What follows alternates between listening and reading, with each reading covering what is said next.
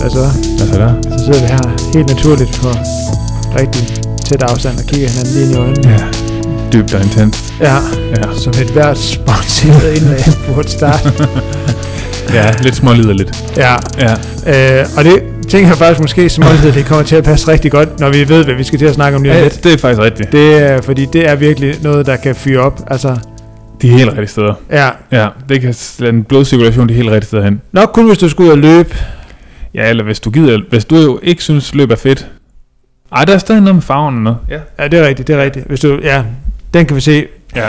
Jeg der er med på video, Enjoy. ja, I kan selv lige vurdere det. Ja.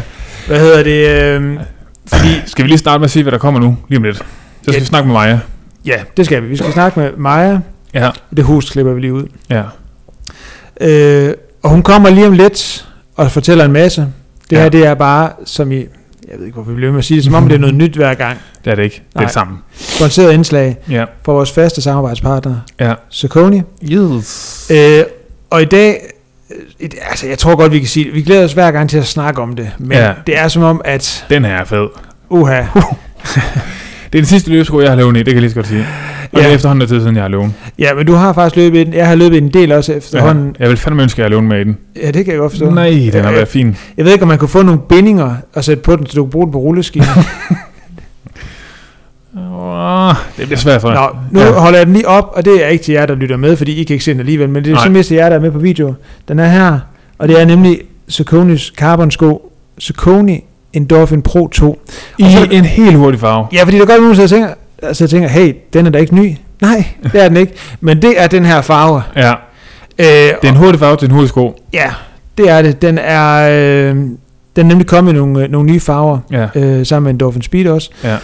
Og øh, altså, hvis ikke man har set dem, Så skal man skynde sig. så vil jeg sige, fordi altså, vi kan jo godt sidde og fortælle, Ja, at den har en, en virkelig, virkelig øh, fed gul-orange farve. ja, jeg kan lige... Ja, mens du fortæller, så viser jeg lige. Ja. Øh, men ellers så vil jeg sige, at øh, gå ind og tjek den ud. Fordi den er virkelig... Øh, altså, også fordi det der at bevæge sig ind i sådan noget som en gul løbesko, det er, det er altså et potentielt sprængfarligt område. Det, det kan gå alle veje, synes jeg. Det kan det. ja, Ja, men... man, men man har set sko i lignende farver, som man tænker, Mm, dem kommer jeg ikke til at løbe i. aldrig i livet. Men Øh, dem her, det er ligesom, du ved, da man var ung, man stod i byen. Man køber lige den der skjort, der er sådan lige våget nok. Ja, Men den er fed. Og Ja. der var du ikke lige helt, kan jeg bære den her? Så kommer du ind på klubben, og så mærker du, ja, det kunne jeg. ja. Alle siger, kæft, du ser godt ud. Altså jeg vil sige, jeg tror, at den her løbesko, den, altså det, hvis der var, findes en løbesko, som vil opsummere øh, den uge i sommeren 98, det er på Rotas, på det der virkelig var en sommerferie, men hvis det alt handlede om at, at, at drikke sig rigtig, rigtig fuld en hel uge træk, Mm, så tror jeg, det vil være den her Ja. ja. tur. Ja, Øh, Sko. det, ja, det er en sko, der i hvert fald siger, jeg har afbladet hår. ja, Det er også en sko, der siger, vi skal bare være fuld i aften. Ja. Vi skal have det vildt. ja. Men altså, nu skal man, alt det her, du siger nu, det skal man lige tage som en mota- me- mota- øh, metafor. ja. Ja, Det, det er ikke fordi, man skal i byen. nej, Men det her, det, det, det bliver en løbeskomæssig udgave af det, fordi Ja. det her, det er en løbesko, der handler om, nu skal vi ud og have det vildt. det er der, man skal ud lige lave nogle fede intervaller med gutterne. Ja. Eller det er der, øh, Mest af alt er det nok, det er på race day. Ja. Ja. det er det. Men man må selv meget gerne lige bruge dem, og lige teste dem inden, Ja, fordi det får man lyst til. ja. Fordi, øh, Og det gode er så, at når man har løbet på race day, ja, og man er kommet i mål, ja, du behøver ikke tage skoene af, Nej. inden du skal ud på klubben senere Nej, og nej, fejre de nej, gode resultater. nej, nej. Eller ud og drukne sorgen over, at du Ja. igen bliver skadet. dem på. Det er de sko, man kommer til at lægge lidt for hårdt ud i. Det er det. Du Ja. kan simpelthen ikke. Altså, det, det den første kilometer hurtigste. ja. Men det kan være, vi lige skal sige noget om skoen. Ja. Det er deres carbon-sko. ja, tak. Øh, så altså... Allerede der. Og jeg tænker næsten ikke, vi behøver at, at, sådan at skal komme ud i sådan en lang forklaring om, hvad en carbon sko er. Det tænker jeg efterhånden. Folk, der ikke har fundet ud af det, Det er det fede. lav noget research. Altså, Ja. øhm, så det, det er... I virkeligheden er det jo lidt, som vi, vi snakkede om, øh, hvad hedder det, sidste sæson, dengang vi præsenterede hele Endorphin-serien. Det er jo øh, Endorphin-seriens Mark Cavendish. Det er afslutteren. Det er ja. den helt hurtige udgave. Det er. Du har løbet i den, jeg har løbet i den. Vil du sådan lige prøve at sige lidt først om, hvad du sådan synes om det? Altså, jeg er jo desværre i den situation, jeg har ikke rigtig fået lov at løbe hurtigt i dem. Nej. Men det gad jeg sat mig godt. Og hver gang jeg har haft den på, så Ej, jeg kan godt lige løbe hurtigt nu. Ja. Den er let, den er dejlig blød, men der er sat mig god pop i den. Ja, det Ja. synes jeg nemlig også. Jeg synes, den er... øh, Altså, jeg synes, der er, sådan, der er en god støtte i den. Den, er sådan, den Mm. har sådan en... Altså, sådan en... Altså, den har den der popfølelse. Så er den Ja. sådan, der er sådan en, en fasthed i det, uden at den Ja. sådan bliver, bliver hård. Ja, og, og, ja. og, sådan, man sådan tænker, hold da kæft, altså, man smadrer hele underbenet Det ved er rigtigt, for jeg synes faktisk, der er nogen af de her sko i den her kaliber, øh, som, hvor der også er en ret blød undersål i, Ja, som bliver lidt ustabil. ja. Det synes jeg overhovedet ikke var tilfældet ved den her. Nej, jeg følte synes- jeg, mig, altså jeg følte ikke det der, hvad, hvis man skulle tage et sving, at man var sådan lidt, kan jeg vide, om jeg vrikker, vrikker om nu? Ja, og nu tager jeg lige på at holde den op, fordi det man også sådan ja. Kan se, hov, den kommer her, det er, at jeg synes, i modsætning til, til andre sko, der har en, altså en noget højere sål, så synes jeg faktisk, at man har den her popfølelse, altså følelsen af virkelig at få noget energi tilbage, Mm-hmm. samtidig med, at man også har en, altså sådan en god fornemmelse for underlaget, når man løber, som man godt nogle gange Kan miste. kan miste, når man bliver klodset alt for meget op på 8 km Enig. skum. Enig, enig, enig. Øh, og så synes jeg faktisk, øh, altså en god ting for mig, det er også der med, jeg synes tit, at man kan løbe, og så tænke, åh, gider man løbe hurtigt og sådan noget. Altså man kan sådan have, at man lige bare gerne lægger hygge, men samtidig ja. Synes jeg også, når man så får en sko på, der sådan giver en lysten til at skubbe lidt til den, og lige Det løbe lidt hurtigt og sådan noget. Og, det, og, Ja. og, og, det kan jeg og det synes jeg er, er en kæmpe, kæmpe win på en sko, Ja, at man faktisk får lyst til at, at løbe hurtigt. ja. Altså, og, og det, sådan synes jeg, det er med den. Altså, Helt sikkert. Det er jo en af de grunde til, at jeg håber, jeg kommer til at løbe igen på et tidspunkt. Det er den her sko. ja, Jeg vil gerne have flere ture i sådan noget her. ja, men den står nærmest også ubrugt derhjemme, kan man sige. Det gør den. Nej, du havde løbet i den. Jeg havde løbet ind, Ja. men det er jo ikke meget, desværre. Og hvis nu der er nogen, der sådan sidder og kigger på den sko, jeg holder op ved kameraet og tænker, okay, det gør nogle beskidte sko, så Kony sælger, Nej, s- så lader jeg ikke snyde. Det er fordi, at øh, jeg efterhånden har løbet i 100-150 km af dem her, Ja. øh, siden jeg fik dem. Øh, også fordi vi vil ikke bare sådan sidde og fortælle alt muligt lort om dem. Øh, nemlig nej. nej, vi har ikke en teleprompter, hvor der står et studeret manuskript. Endnu. endnu. øh, så det er fordi, de har været ude, og jeg, faktisk den første tur, efter den første tur, så de faktisk sådan herude, fordi jeg havde den på, og jeg skulle egentlig bare ud, sådan lige, jeg tænkte, nu er jeg lige ude at prøve den. Øh, og så endte jeg med, jeg tænkte, jeg skulle bare have en time, så endte jeg med at løbe lidt over halvanden time, og det regnede lidt, Ups. og øh, kom ned i Østerådalen, og fik også jogge i et par store vandpytter, men det var, sådan, det var en fed, fed tur, Ja. og jeg virkelig sådan, sådan, kunne man se stille og roligt, sådan løb mere og mere til, fordi den bare, den var bare fed at løbe i. ja. Så, øh, så hvis nu man allerede har en Dolphin Pro 2, så har du den ikke i den her farve. Nej, og Og det skal det- du have. Og det lyder dumt, ikke? Fordi alle, der har sådan en fodboldkort, ved, man skal have hæftet fuld. Ja, Sådan er det. og det, der, det er en stiv pæk og hård tilbage sko. Det er det. Ja. Øh, jer, der ikke har den, jamen det her det er selvfølgelig en oplagt mulighed til at få den. Ja. Øh, og den kan fås masser af steder. Det, altså, vi, vi Det- gider, Jeg kan faktisk næsten ikke sige for mange positive ord om den her sko. nej, jeg så også sådan lige at tænkte, om man sådan kunne Kunne man blive lidt mere objektiv omkring den? Nej. Ja. Jamen, jeg sad sådan og tænkte det, her, men også fordi øh, noget af det, jeg synes, der nogle gange kan være, det er, at jeg synes, sålen, og, og, og nu kommer der ikke en negativ ting, det er fordi, jeg sådan har siddet overvejet lidt i mit men der var sådan et eller andet, man sådan kunne sige, også bare for, at vi, at vi virkede sådan lidt, lidt, altså lidt troværdige, og sådan sige, ah, det her, det fungerer ikke helt. Men jeg synes, sålen har faktisk også, et, altså den har også et godt bid. Mm-hmm. Altså det er ikke sådan, at, at man sådan tænker, okay, hvis jeg skal løbe på andet end lige ud ja. I tørvejr, så er Ja. jeg i store problemer. Det synes jeg heller ikke, man, er- man er med den her. Nej. Så jeg har sådan lidt... Øh, jeg har lidt svært ved lige at... Det er svært at komme med nogle kritikpunkter. Det er selvfølgelig heller ikke måske vores, Nej, vores fornemmeste opgave lige det her, men jeg, øhm, jeg synes også, at øh, jeg- noget af det, jeg også sådan lidt kigger på, det er, at når jeg skal løbe i sådan en sko her, især en sko, man også sådan gerne vil løbe hurtigt i, så er det også gerne have den her følelse af, at den sådan sidder godt til foden. Altså at slutte til, og Mhm. mm-hmm. det, det synes jeg generelt, den gør, uden ja. At den sådan bliver for snæver, fordi jeg ved, nogen, altså der er også, altså samtidig med også, at der er sådan en god plads sådan ude i, ude i topboksen og sådan noget. ja, ja. Øh, hvis Kom vi kommer i ned, tanke om ja. et eller andet, der ikke spiller, så klipper vi det ind. Ja. Ja, jeg regner ikke med det. Nej, Men øh, ja, tag lige ned til din lokale løbshop. Prøv lige den her sko. ja. Prøv den lige på. Og så behøver vi faktisk ikke rigtig at sige mere. Fordi jeg har det faktisk sådan, at det er sådan en sko, man mærker, det, man mærker lidt med det samme. At den er fed at have på.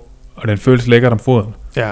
Og den føles nærmest hurtigt med det samme. Altså, det er en, øh, det er en sikker vinder. Ja, det er det. Det ja. Synes jeg, det er. Så jeg tænker i virkeligheden måske, at vi bare skal, skal lade det være ved det. Ja, sige det var det. Øh, fordi nu står de på bordet, er jo faktisk lidt beskidte. Så. Og det giver faktisk også uheld.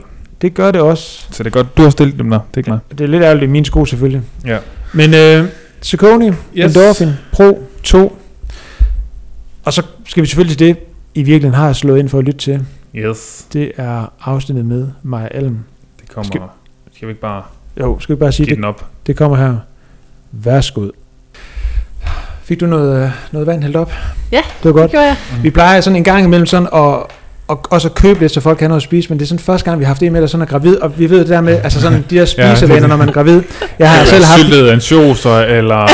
ja, eller altså jeg har selv haft en kone, der, der på et tidspunkt i, i 4. eller 5. måned kom hjem med et glas perleløg, hvilket jo kan lyde sådan ret tilforladet. Vi har vidderligt aldrig i vores syvårige samliv på det tidspunkt brugt perleløg.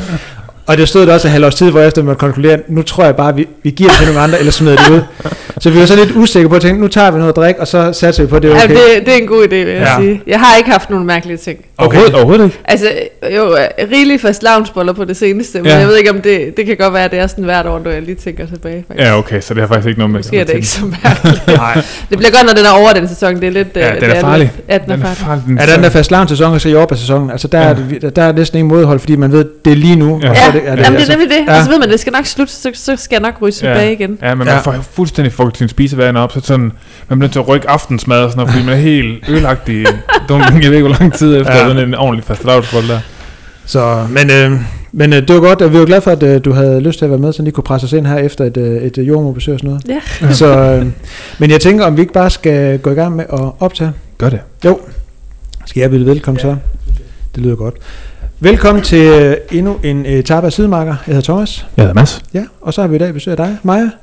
Og øh, vi har besluttet at lave en kort præsentation. Vi er ved at, sådan at snakke om, om vi simpelthen skulle liste øh, alle dine øh, hvad hedder det, VM, EM, DM-medaljer op. Men vi er så nået til, at, at vi gerne vil holde optagelse på en time, time og et kvarter. Så tænker vi simpelthen, at vi vil gå langt ud over det. Det duer ikke. Nej, så jeg tænker, i stedet for, så får du lov til sådan lige at præsentere dig selv, øh, sådan med de ting, du synes, der er vigtige at fortælle. Øh, Det er jo den sværeste kunst, er det Ja, det er det. Det er derfor, der bliver altid skudt over til dig. Øh, altså jeg kan starte med, at jeg er syvdobbelt verdensmester i orienteringsløb. Ja. Ja. Den er rimelig nem. Og, Ja. ja. og så Ja. har jeg vundet, jeg tror det er 28 internationale medaljer Ja, i orienteringsløb også. Ikke nogen i atletik. Øhm, og så har jeg vundet en masse danske mesterskaber også, og det ved jeg faktisk ikke, hvor mange jeg har. Øhm, så har jeg jo haft det her OL-projekt, hvor jeg også har øh, løbet nogle gode tider i atletik. Øh, som jeg ikke engang kan huske, men 15, nogen af 30 på 5.000, og lige under 12 på, øh, på halvmarathon. Og der har jeg jo fået at vide af atletikløber, det er jo vigtigt, at man faktisk ikke siger 12, men man siger, at man har løbet 11. Ja. Ja. Eller 1,11 selvfølgelig. Ja. Men øh, ja. det er selvfølgelig. vigtigt, at man bruger det lave. Ja, ja, ja. ja, Der er ingen, ja. der, der er ligeglad med de Nej, sekunder. nej. Og faktisk øh, kunne jeg sådan øh, snuse mig frem til, den halvmarathon-tid faktisk er den anden hurtigste halv- halvmarathon-tid herhjemme i Danmark. Ifølge statistik. Fjerde, er det ikke? Er det fjerde hurtigste? Uh, nu bliver jeg i tvivl. Jeg tror, Nå. det er den fjerde hurtigste. gå Men, vi, men vi, du må godt tælle mig op. Det er fint Ja, nok. Det fint. kan jeg godt leve Vi med. klipper den fjerde ud. Det er Ej, ja, ja, ja, jeg er lidt i tvivl. Ja. Ja. Men er det, Det er også lidt et resume. det synes jeg, det synes jeg, og det Ja. tænker var derfor, det lyder så hurtigt at sådan sige syv, syvdobbelt verdensmester. Så, Ja. Ja. ja. Ja, den, det, det er nemt nok at sige. Ja. Men du siger jo egentlig også lidt selv, at det er sådan, øh, sådan primært i orienteringsløb, at, øh, at du sådan har, har slået dine folder og sådan noget. Og jeg tænker, øh, sådan nu hvor vi lige sådan landede på en enorm lang række forskellige medaljer, noget, hvis du skulle prøve at tage sådan helt tilbage til sådan, hvor det virkelig startede. Altså vi har sådan snakket med en del mandlige løbere, og sådan vejen til, til at de begyndte at løbe, var typisk, at de spillede fodbold. Ja. Ikke var særlig gode til Ja. det, men trods alt var hurtige. De var altid dem, der kunne blive det længst. Ja. og, jeg, og jeg ved ikke helt, om det sådan er vejen som kvinde ind i orienteringsløb, men jeg tænker sådan lidt, sådan skal, skal tage tilbage til, hvor at, øh, det sådan begyndte henne. Ja, de fleste orienteringsløbere, de bliver født ind i sporten. Og det er jeg også. Begge Okay. mine forældre, de løber orienteringsløb. Okay. Det kunne man faktisk godt forestille sig. Ja, Ja. det er jo lidt en niche-sport. Ja. Så øh, jeg sagde niche, ikke en nisse. sige. altså, det er ude i skoven jo. Det kunne Det er ude i skoven. Ja, det er det øhm, nej, så jeg har været med helt fra helt lille. Ja. Ja. Og at det var egentlig mest sådan et... Altså jo, jeg var jo god til det, men øh, det var også sådan et... Nu tager vi afsted i weekenden og møder vores venner, og øh, jeg fik jo venner på min alder, og mine forældre, de øh, havde venner i klubben. Mm. Og så, øh, ja, så tog man afsted om søndagen og løb, og så, øh, ja, så var den søndag gået. Ja. Ja. Og så da jeg blev lidt ældre, så var det som om, når det regnede der om søndagen, og, og det er koldt, og så gad min bror og jeg altså ikke ud. Så fandt min far ud af, at han skulle lokke med McDonald's, is, hvis det var på vejen hjem, fordi at vi boede lige øh, ved en McDonald's. Så, Ej, så var, det det så, var det Sunday eller McFlurry? ja, det var, der engang var der ikke McFlurry. Nå, Okay. okay. Det var Sunday med karamel. Ah, det var godt. Ja, Okay, okay. god. Ja. Ja. Altså, hvem kan ikke også lukke ud og løbe en søndag, regner jeg? Han havde også luret den, han vidste godt, hvad han Ja. skulle sige. Ja. Hvor, hvor er det hen sådan uh, rent geografisk uh, i, i Danmark? Øh, det er Røde Kro. Røde Kro? Ja. Helt Ja. nede i Sønderjylland? Nå, det vidste Ja, ja, Ja, ja, ja. Ja. Okay, ja, ja. ja. Jo, Sønderjylland. Ja. Så i virkeligheden, nu siger du selv det med, at du sådan er følt lidt ind i det, og det lyder egentlig også som om, at, at de der første år ikke nødvendigvis kun har været sådan det her med at gå til en sport, men i virkeligheden også bare har været sådan lidt måden, at familien brugte tiden i weekenderne på. Altså, ja. ja. Det har det. Ja. Øh, men altså, så var jeg jo god til det. Og så er det jo sjovt, ja. også når man er god til noget. Men altså, jeg har jo gået til alle mulige sportsgrene, ligesom alle andre børn. Ja. Jeg tror faktisk ikke, jeg er gået til fodbold, men ellers så tror jeg nærmest alt andet er krydset ja. af. Ja. Øh, og så hang det videre orienteringsløb, fordi det var noget, vi gjorde i weekenderne, og fordi jeg var god til det, tror jeg. ja. Men jeg trænede ikke. Altså sådan, der var ikke rigtig noget miljø dernede, der var ikke nogen øh, børne- og ungdomstræninger, så det var bare i weekenden, vi var afsted at løbe. Øh, og så, ja, det var fint. Ja. Ja. Så det bare var sådan en weekend ting. Ja. ja. Hvornår, typisk er der sådan et eller andet tidspunkt, altså hvor man sådan går fra, at man skal sige, den der måske sådan lidt, øh, lidt lejende tilgang til at virkelig bare dyrke sport som barn, til at man sådan måske, for nogen i hvert fald opdager, okay, jeg har måske et niveau, som de andre, jeg løber eller deltager med eller imod, ikke nødvendigvis har. Er der sådan et eller andet tidspunkt, hvor du ligesom sådan finder ud af, okay, det kan godt være, at det her kan blive mere end bare et eller andet, jeg laver i weekenden, altså, eller måske også noget, som man havde lyst til at træne til. Ja, altså jeg, var, jeg kom med i sådan et talentcenter, der kan jeg huske, der trænede jeg heller ikke. Øh, mange af de andre synes, det var sådan noget, hvor man mødtes, jeg tror det var en gang i hverdagen i ugen. Vi var sådan rimelig bredt, det var hele Sydjylland og Fyn, så vi skulle køre rimelig langt for det. Øh, og de andre var jo ret seriøse og sådan noget, men altså, jeg, ja, jeg tog bare med, det var ja. hyggeligt. Ja. Øh, og der kan jeg huske, de var sådan, hvis du nu bare løb en halv time en gang imellem, prøv at tænke, hvor god det ville blive. Men altså, jeg var jo dansk mester, og jeg tror bare, jeg synes, det var... Altså, hvorfor skulle jeg træne, når jeg var den bedste? Jeg tror ikke sådan, jeg tænkte, der var et udland, hvor man også skulle Nej. gøre sig gældende i. Og så løb jeg junior-VM testløbende, som hvor har jeg været 15-16 år. Øhm, og blev nummer 4 på begge løb, og der skulle seks med. Så kom jeg med til junior-VM, og jeg vidste nærmest ikke, der var noget der junior-VM. Jeg var kun taget med, fordi jeg var med i den der talentgruppe. Hold da. Og så ligesom den vej ind. Øhm, og så øh, kom jeg på efterskole året efter. Og der kunne, trænerne kunne jo godt se, at jeg var et stort talent, og ville gerne have mig i gang. Og jeg fik også, havde en træner og havde en plan, men ah, det, fik, det blev mere fest, end det blev... Øh. Mm. Så det var, og der begyndte, altså så, som 16 år begyndte jeg også at udvikle mig, og så begyndte folk at overhælde mig. Ja. Og så kunne jeg godt se, at okay, nu, nu skal der til at ske noget, ellers så, øh, så kan det være lige meget. Ja. Mm. Og så har du ligesom tænkt måske at give det der træning et skud. Jamen, så prøvede jeg faktisk. Så kom jeg hjem og startede i første G i øh, Åben Rå, øh, og fik en træner. Men altså, jeg fik måske trænet en tredjedel af det, der stod på planen, og det var, altså, jeg tror ikke engang, det var træning hver dag. Øh, men jeg gik i gymnasiet og fik et job nede i min onkel, han har en sportsbutik i Åben Rå efter skole, og så var jeg tit først hjemme klokken 6 eller sådan noget, så, så gad jeg altså ikke ud og løbe på intervaller der, det må jeg kan man sige. godt forstå. Ja, det kan man faktisk godt forstå. øh, men så som, som 18-årig, øh, der havde jeg en snak med vores, der var en landstræner, han var sådan, om det ikke skulle blive sådan noget mere. Øh, han kunne godt se, at jeg kunne ikke, altså jeg havde ikke ryggrad nok til at komme, altså jeg havde jo aldrig prøvet at træne før, så det var Mhm. mega svært selv at skulle få det op at køre, når man bor helt alene dernede. Så som 18-årig, der flyttede jeg til Nordsjælland og kom i et træningsmiljø derovre og begyndte sådan at træne struktureret en gang om dagen i det mindste. Ja. Øhm, Ja. Og der, kunne jeg, altså- der rykkede jeg mig helt vildt. ja. Så det var egentlig, det var egentlig da jeg, altså sådan, der som 18-årig tog et valg om, okay, hvad, hvad vil jeg med det her? Vil jeg gå efter øh, og prøve at udnytte det talent, jeg har, eller vil jeg egentlig bare hellere bare gå i gymnasiet og synes, det er hyggeligt? ja. Og så heldigvis så valgte jeg, Mm.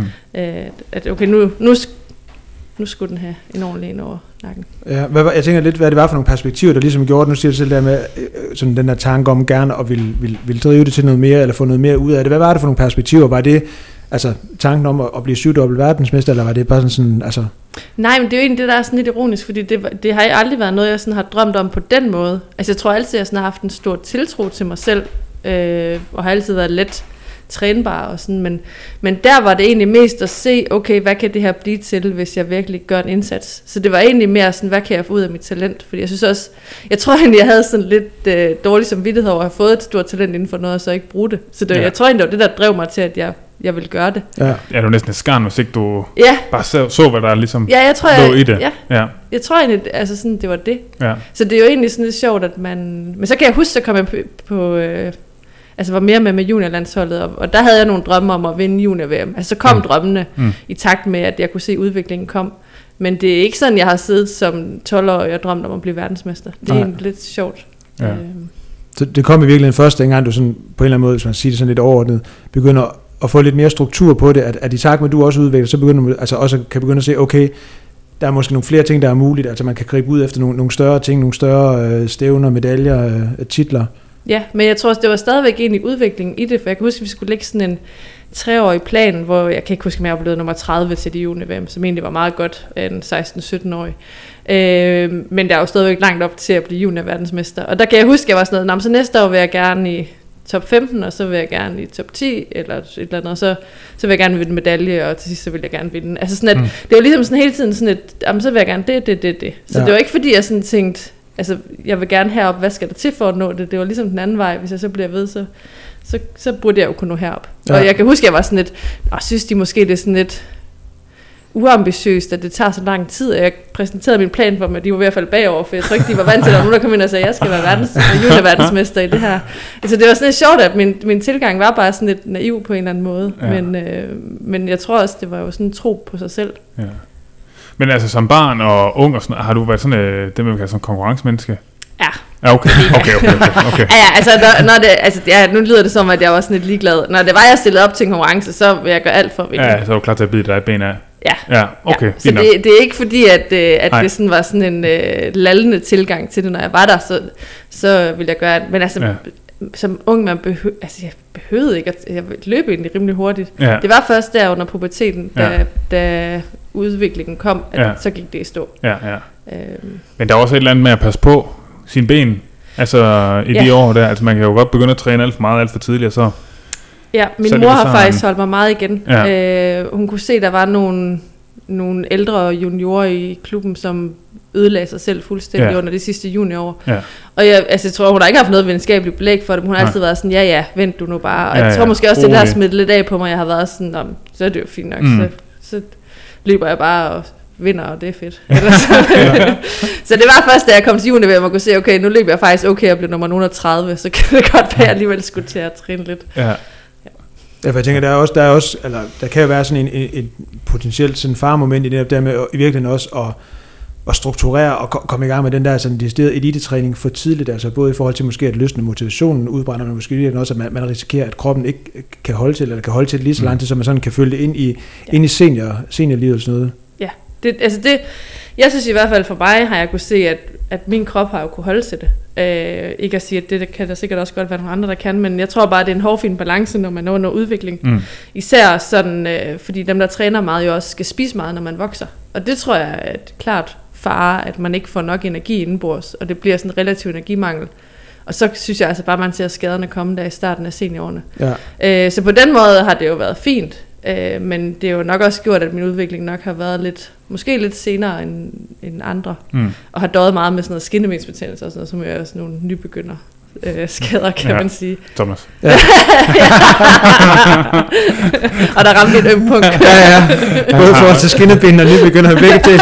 Den vil det spot on begge dele. det er godt. Ja. Nej, men, men jeg tænker netop, og nu siger du det der med, sådan, at dine forældre begge to også sådan er inden for, altså sådan har, hvad skal man sige, er, har været en del af, af orienteringsløbet. Har det været sådan på, altså sådan på motionistplaner, har det været sådan på højere niveau, eller?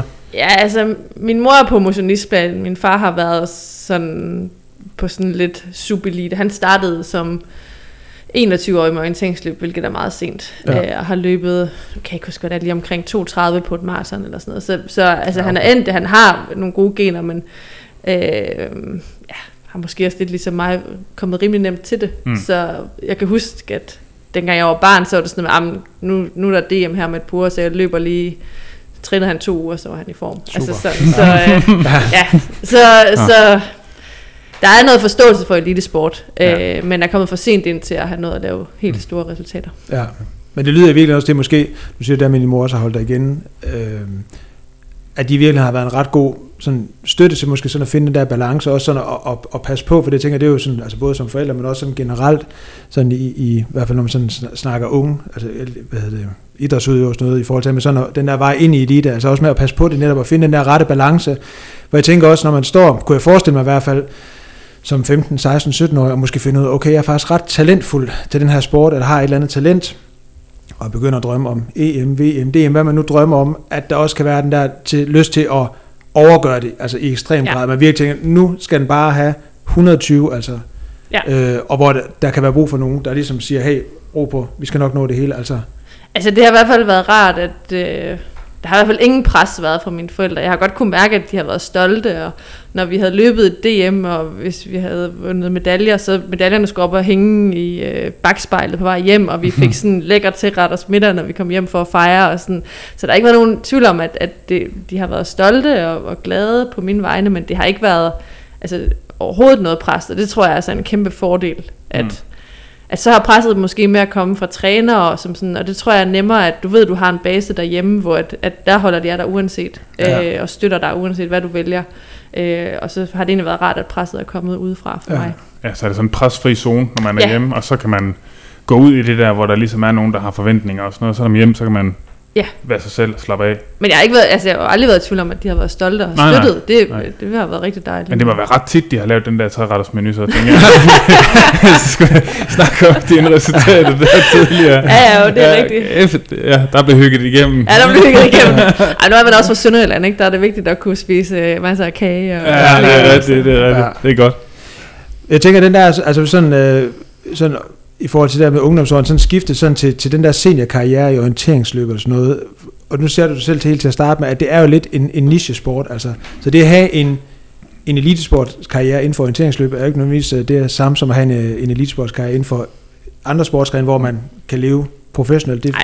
det, uden sådan at tænker jeg ikke, jeg forestiller mig ikke, at der findes rigtig mange sådan fuldprofessionelle orienteringsløbere herhjemme, Mm. alt respekt for sporten, Det gør der ikke. Nej. Så, hvad, så den der sådan, øh, altså, hvis du sådan lige sætter nogle ord som på den der elitekarriere, du ligesom har haft, altså, jeg tænker, der har, der har jo selvfølgelig været et studie som tandlæge også, men, men hvordan, øh, Altså det har jo været finansieret ja, af, at jeg har studeret gennem hele min elite karriere. Ja. Øhm, men det er klart, da resultaterne begyndte at komme, der røg vi også op i, i højeste øh, støttegruppe inden for Team Danmark, som det eneste ikke-OL-forbund. Så det er jo kæmpestort. Øh, og det er jo stadigvæk ikke, fordi der er mange penge i det. Øh, men jeg vil... Altså, jeg, jeg gjorde så det, at jeg, da jeg læste tandlæge, jeg tog syv og et halvt år om at læse tandlæge, normalt så tager det fem. og jeg dumpede altså ikke nogen fag. Øhm, men der gjorde jeg så det, at så studerede jeg om efteråret, og var stort set professionel, hvad der kunne lade sig gøre om foråret. Og Ja. det var egentlig en ret fin balance. Så var det sådan også et klart skift i mit hoved om, at okay, nu var det studier og ja, venner og alt andet, der skulle prioriteres, og så i foråret, der var det øh, benhård øh, øh, ja, elitesatsning. ja, Selvfølgelig trænede jeg også resten af tiden, men bare det der med, det var egentlig rart, at der var et fokus, der skiftede, også fordi når man øh, kom efter VM og har bare trænet benhårdt og har levet fuldstændig øh, øh, nonne munkeagtigt for at opnå det her øh, resultat, der er det bare rart, at, at så var der noget andet, der skulle i fokus. Der var studierne og fester og ja, alt Ja. andet. Alt det, som hører til at være Ja, studerende. Og, Ja, ja, præcis. Og så når man kom til omkring årsskiftet, så øh, altså vores VM ligger altid i sommerferien, Ja. at så var det okay, ikke mere alkohol, øh, fokus på fuld fokus på træning og Ja. ordentlig restitution og ikke skip nogen træninger. Og, altså Ja. sådan, så, så det synes jeg har været en rigtig rar balance for mig. Mm. Øh, men det er jo klart, det er jo meget forskelligt, Ja. hvordan. Jeg synes faktisk, den har været meget sådan, altså dem vi har snakket med, synes jeg, det har været meget sådan gennemgående ting, det der med, at der er mange, der gerne vil have et eller andet. Ja. ved siden af, altså som ligesom kan, som ligesom kan skifte fokus der, så man ikke bliver sådan fuldstændig øh, ensidigt, eller man skal sige. Jeg tror for mig er det, jo, at, at jeg tror, jeg er meget sådan social, og det betyder ja. meget for mig øh, at have nogle venner også uden for sporten, så det Ja. ikke kun handler om løb hele ja. tiden. Øh, men altså, det har også gjort, at tit efter VM, så september, der var der sådan, altid sådan noget fredagsbar på tandlægeskolen, så det var Ja. nærmest at drikke sig fuld hver weekend, men Ja. altså, det tog heller ikke mere end et par weekender, så var man også ved at være træt af det. Ja, Ja, og så bare holde træningen nogenlunde ved lige, så man ikke Ja. mistede noget, og så kunne man køre det i gang igen i november, december, og så Ja. kørte det Ja, ja. 110 procent fra januar. Ikke? Ja, altså ja. Sådan, det, det har fungeret for mig. Ja. Øhm, men altså, jeg, til, med det du spurgte om med, med sådan økonomien i det, at jeg kunne godt, altså når man er vant til at leve på en SU, og når man har en sportsgren, hvor det ikke kræver andet end løbesko og en kompas, øh, og jeg fik betalt alt, når vi var afsted på træningslejr, så, så, så var en SU med lige lidt ekstra, øh, var okay, og Ja. det kunne jeg godt have fået også, hvis jeg ville have været professionel, kunne jeg godt have fået det finansieret, men jeg trives bare ikke i det. Altså jeg kan godt trives i det et halvt år, men jeg synes også, at der er nogle tunge dage, hvor hvis man kun træner og slapper af, at det er som om, man kører sig selv ned i sådan et gear, hvor Mm. at det bare det at øh, tage joggingbukser på og gå ned og handle kan være hårdt. Ja. Ja. Altså sådan, hvor at, jeg tror, det er sundt, man har noget en gang imellem, hvor der sætter noget rytme Ja. ja. ind. Og det har man selvfølgelig også, når man er på træningslejr, men, men øh, jeg tror for mig var det perfekt med det her halve år. Mm. Og så var det ligesom tilbage igen. Og nogle gange var det også med lidt selvstudie under det der halve år, hvor så havde jeg måske lige et fag, jeg lige kunne læse lidt til en gang imellem. Ja. Men, øh, Men det bliver også især sådan en off-season ting, at bliver lang. Ikke? Fordi der har man altså... Du skal ikke være så fokuseret i træning, og du skal ikke nødvendigvis træne særlig meget heller. Nej. Altså så bare skulle gå der. Og, Ja. Altså, Jeg tror, det er meget, hvordan man trives, men jeg Ja, ja, jamen, synes er altså, de, nogen, de der kan, fleste øh, trives bedst i at have et eller andet. ja, Øh, men øh, ja, det er det er jo jo... nok meget forskelligt. Ja, Men det lyder også til sådan, at den der, øh, man skal sige, der er behov for, for den der balance, også har været en ting, der sådan har fulgt op. Nu sagde du også selv der med, at, at derhjemme øh, i- ungdomsårene hos dine forældre, var det egentlig sådan, altså sådan ingen pres, ingen øh, stress i forhold til at skulle noget, og så havde du ligesom nogle trænere i, i din klub, der ligesom havde nogle forventninger til det og sådan noget, at, at den der balance også er på en eller anden måde lyder til at, sådan at, at være vigtig for dig også. Altså, jeg tænker, der er også nogen, der, der trives enormt godt i at flytte til, altså, øh, at Ja. flytte til, til Kenya og bo dernede Ja. og, og leve øh, fuldt professionelt og fuldstændig dykke ned i det. Ja. Øh, Men så tror jeg også, man er en anden type end, end sådan en, som jeg er. Ja. Altså sådan, nu har jeg jo kommet på arbejdsmarkedet, der får man jo sådan nogle personlighedstest. og der kan jeg jo se, at jeg er sådan en, der har brug for noget socialt. Øh, Ja. ja. Det er vigtigt for mig.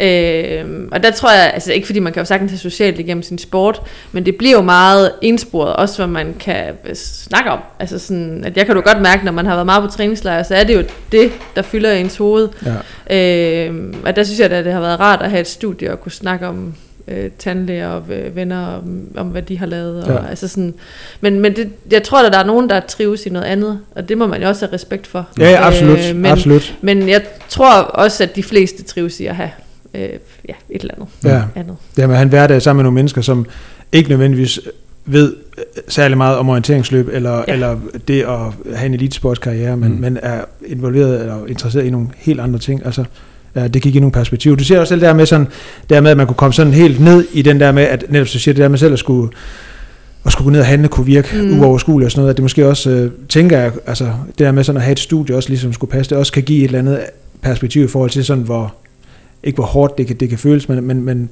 give et eller andet andet øh, dynamik i hverdagen måske. Ja, og så man glæder sig til, at man kan få den der pause, i stedet Mm. for, at det Ja. bliver bare en vane.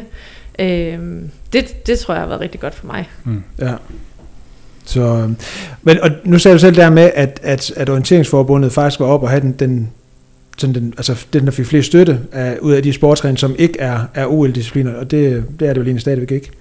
Nej, det er Nej. det ikke. Vi er det vist heller ikke lige forløbet. Nej, jeg jeg tror, vi ikke har kæmpet lidt, men... Øh, Ja, og jeg tænker, at det er jo faktisk sådan et sport, hvor jeg sådan, sådan når man sådan har fulgt nyhederne, sportsnyheder, sådan jævnligt jo sådan gennem de sidste mange år har kunne se, at der er blevet løbet VM, EM-medaljer, altså virkelig blevet vundet mange ting. Og stadigvæk er det jo en sport, den fylder jo ikke super meget sådan i sendefladerne, eller, eller Mm. sådan nyhedsspillerne, eller sådan noget. Altså, har det været sådan lidt et, et eller andet øh, paradoks eller dilemma også, i forhold til, hvor godt I har præsteret, og hvor højt sådan niveauet har været her i Danmark, og så til, at det stadigvæk egentlig bare er en, en nichesport. En, Øhm, ja, men jeg synes egentlig, det har været... Altså i hvert fald for mig, er der kommet ret meget fokus, synes jeg, fra øh, både medier og øh, sportsverden, Team Danmark. Øh, jeg synes, der har været meget. Øh, men jeg tror også, fordi at det er sådan en lille sport, har jeg også følt, at alt det, der blev ragt ud efter en, det skulle man også stille op til. Mm. Øh, og jeg tror, jeg har været nomineret til årets sportsnavn, tror jeg, to gange, og også BT Guld. Og det har bare gjort, at det har skabt en kæmpe interesse. Øh, og faktisk første gang, jeg blev nomineret, der øh, ugerne efter, der var der så meget interesse, så jeg faktisk endte med at få sådan nogle stresssymptomer, og måtte helt sige fra. Fordi der, det var nærmest hver dag, jeg skulle ud og lave interviews, eller stille op til fotoshoots, okay, ja. eller øh, medier, øh, ja, alle Ja. mulige. Og, og jeg, der føler, har jeg bare følt en kæmpe forpligtelse Mm. øh, som orienteringsløber, fordi at, at det var så vigtigt at få vist den sport, jeg kommer fra. At der har jeg kunne slappe meget mere af i det her, i, da, jeg, da jeg prøvede at have det her OL-projekt, der kom over til atletik, for jeg var sådan, at folk ved godt, hvad atletik er. Ja. Det, det behøver jeg ikke på samme måde, og selvfølgelig vil man godt vise fanen, men jeg tror sådan, at der var jeg mere sådan, nu gør jeg det, jeg selv har lyst til. Ja.